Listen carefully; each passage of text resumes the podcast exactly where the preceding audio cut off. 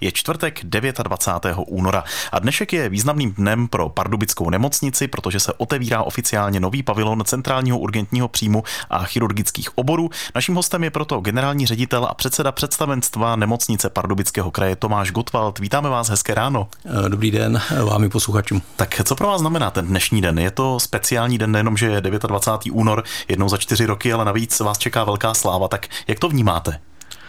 Uh, tak samozřejmě ty pocity jsou asi úleva, co se týká té stavební části, protože pavilon je dostavený, je předán vlastně od prosince nemocnici do zkušebního provozu. Dnes eh, slavnostně otevíráme na druhou stranu určité chvění nebo nervozita, především z rozběhu toho provozu, eh, protože to bude znamenat obrovskou změnu práce, přístupu, vlastně i toku pacientů v nemocnici. Takže samozřejmě Těšíme se, ale jsme lehce nervózní z toho, aby jsme všechno dobře zvládli, aby pacienti i personál byli spokojeni. Když se trochu ohledneme, tak jak náročné bylo takový projekt realizovat vlastně za chodu nemocnice? Uh, tak ten projekt nebo vůbec úvahy jsou někdy do roku, se datují jak do roku 2012, vlastně od doby, co jsem nastoupil jako ředitel pardubické nemocnice, jsme se ještě v té době s bývalými náměstky, s doktorem Michálkem, s doktorem Kusím bavili uh, o tom, že je ta nemocnice potřebuje centrální urgentní příjem, že potřebuje koncentraci chirurgických oborů, tak aby se dali eh, potom smysluplně přemysťovat další obory, které jsou rozeseté po té nemocnici z historických důvodů neúplně komfortně. A samozřejmě eh, ta projektová příprava studie trvala mnoho let, ta samotná výstavba někdy od toho května roku 2021 eh, samozřejmě znamenala obrovské omezení, bylo to za plného provozu nemocnice v době covidu, kdy jsme museli začít začít dělat i v té nemocnici činnosti, na které jsme nebyli zvyklí, očkování, odběry. Takže samozřejmě extrémní zátěž, extrémní zátěž pro personál nemocnice, pro pacienty, snížila se kapacita parkování, která už tak je eh, poddimenzovaná pro eh, nemocnici této velikosti, takže samozřejmě velmi složité. Zmínil jste parkování, jak to s ním teď vypadá? Bude v tomto ohledu i třeba nějaká změna s ohledem na otevření této nové budovy? Eh, tak samozřejmě otevírají se nějaká nová parkovací místa, eh, provoz, doprava v areálu nemocnice se vrací, nebudu říkat do normálu, ale vrací se eh, k lepšímu stavu, než když byly trvalé vlastně dva roky zábory v rámci toho areálu. Samozřejmě jsme si vědomi my i kraj, vlastník nemocnice, že deficit parkovacích míst je velký, to znamená, mm, hledáme veškeré možnosti, jak parkování v areálu, ale i jeho nejbližším okolí zlepšit. Eh, myslím si, že se tam posouvá i komunikace mezi krajem a eh, minimálně eh, radnicí pardubického obvodu, v kterém nemocnice leží, tak aby se využili některé komunikace, které jsou v nejbližší blízkosti nemocnice a samozřejmě zvažují se výstavby i parkovacích domů v nějakém horizontu 3-5 let. Samozřejmě je to všechno o finančních možnostech. Když pacient přijde teď od března do nemocnice, jak pozná, že se otevřel urgent, co se pro něj změní konkrétně? Eh, tak ten náběh toho provozu té části, budu říkat malinké vlastně, nebo menší toho urgentního příjmu, protože to je ta příjmová část prvním nadzemním podlaží, tak eh, pacienti chirurgických oborů už budou mířit na urgentní příjem. Postupně v následujících měsících eh, bude toto pracoviště se starat vlastně o pacienty všech odborností, vyjímá specifik, eh, což je porodnicko-gynekologická klinika, pacient eh, s akutním infarktem, který přímo bude mířit eh, ke koronárnímu výkonu, to znamená k ošetření srdeční cévy. A hm, ti pacienti nebudou muset bloudit po nemocnici, nebudou muset hledat kontaktní místa, jednotlivá pracoviště, ale budou mířit na to jedno jediné místo. Samozřejmě bude to komfortnější třeba pro záchrannou službu, která k nám dopravuje pacienty v těžších, eh, v těžších stavech.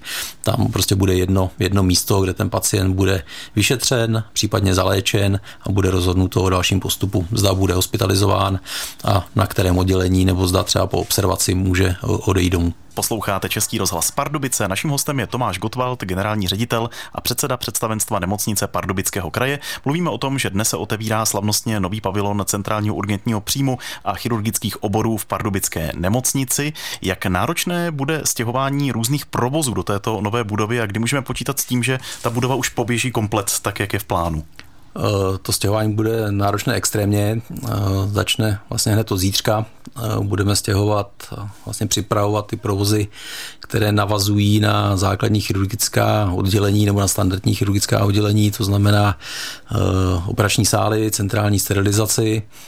Tam aspoň část vybavení se bude stěhovat od, už od toho zítřka a samozřejmě chceme využít určité, nechci omezení, ale určitou menší poptávku po zdravotních službách, chirurgických oborech, o jarních prázdninách, tak, aby se to pacientů dotklo co nejméně a jednotlivá oddělení no, traumatologie, všeobecná chirurgie, cévní chirurgie se budou stěhovat vlastně v průběhu jarních prázdnin, to znamená od 11.3. Eh, na každé těch oddělení je vyčleněn den, den a půl. Eh, bude to taková akce Kulový blesk, pokud někdo pamatuje ten film, tak bude to dost podobné. Měla by ta budova, jak už jsme zmiňovali, být nejdřív takovém zkušebním provozu, než to všechno naběhne, je to tak? Eh, tak ten zkušební provoz je legislativní eh, termín uh-huh. z pohledu kolaudačního řízení stavebního úřadu, jinak ten provoz chirurgických oborů bude muset být od toho března vlastně potom přestěhování plný, protože komplet stěhujeme operační sály, centrální operační sály, kterých stávajícím stavu je 8, v nové budově 11 a samozřejmě nelze provozovat obě, obě ta pracoviště, obě místa nelze rozdělit týmy, nelze Eh, rozdělit eh, například přípravu nástrojů, to znamená sterilizaci na, dvě místa, to znamená, ten provoz bude plný. Eh, samozřejmě může se stát, nebo plánujeme v těch prvních dnech, týdnech určité omezení elektivních výkonů, to znamená výkonů, které nemají dopad na stav pacienta, které jsou odložitelné, ale veškerá akutní operativa, veškeré akutní péče musí běžet vlastně od přestěhování. Po dnešním slavnostním otevření chystáte prohlídky pro veřejnost. Četl jsem, že vás jako vedení nemocnic trochu i zaskočil ten velký zájem veřejnosti. Kdy se tedy můžou lidé přijít podívat a nebude se nějak navyšovat počet těch komentovaných prohlídek? Uh, tak ty prohlídky budou vlastně od zítřka. Eh, zítřek, pátek a sobota jsou vymezeny, navyšovaly se ty termíny. Právě z důvodu toho stěhování a relativně šibeničních časových termínů nejsme schopni eh, nabídnout eh, větší, eh, větší časový, časovou osu nebo větší časový, časovou alokaci, takže kdo se nepřihlásil a nedostal se do těch termínů, tak tu budou si prohlédne jako pacient nebo doprovod pacienta. No, bohužel prostě musíme ty obory stěhovat opravdu od toho zítřka už a ten prostor nebyl příliš velký. Mm-hmm. A jak jsem zmiňoval, že jste byli trochu překvapení, tak jste překvapení z toho, jaký zájem má veřejnost o tu novou budovu a jaká pozornost se jí věnuje? Uh, tak já si nemyslím překvapení. Uh, samozřejmě je to investice, největší investice Pardubického kraje, největší investice do zdravotnictví tohoto regionu. Není to jenom investice v Pardubické nemocnici, ale Pardubice jsou spádovou nemocnicí pro celý region nebo nadregionálně.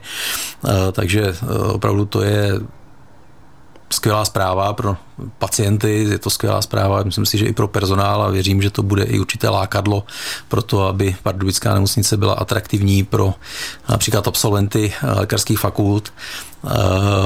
Myslím si, že to tak je správně. Ta budova si to zaslouží o čem se úplně třeba nemluví, tak eh, samozřejmě tato investice otvírá možnosti právě toho logického uh, směrování nebo přestěhování dalších odborností v rámci areálu Pardubické nemocnice.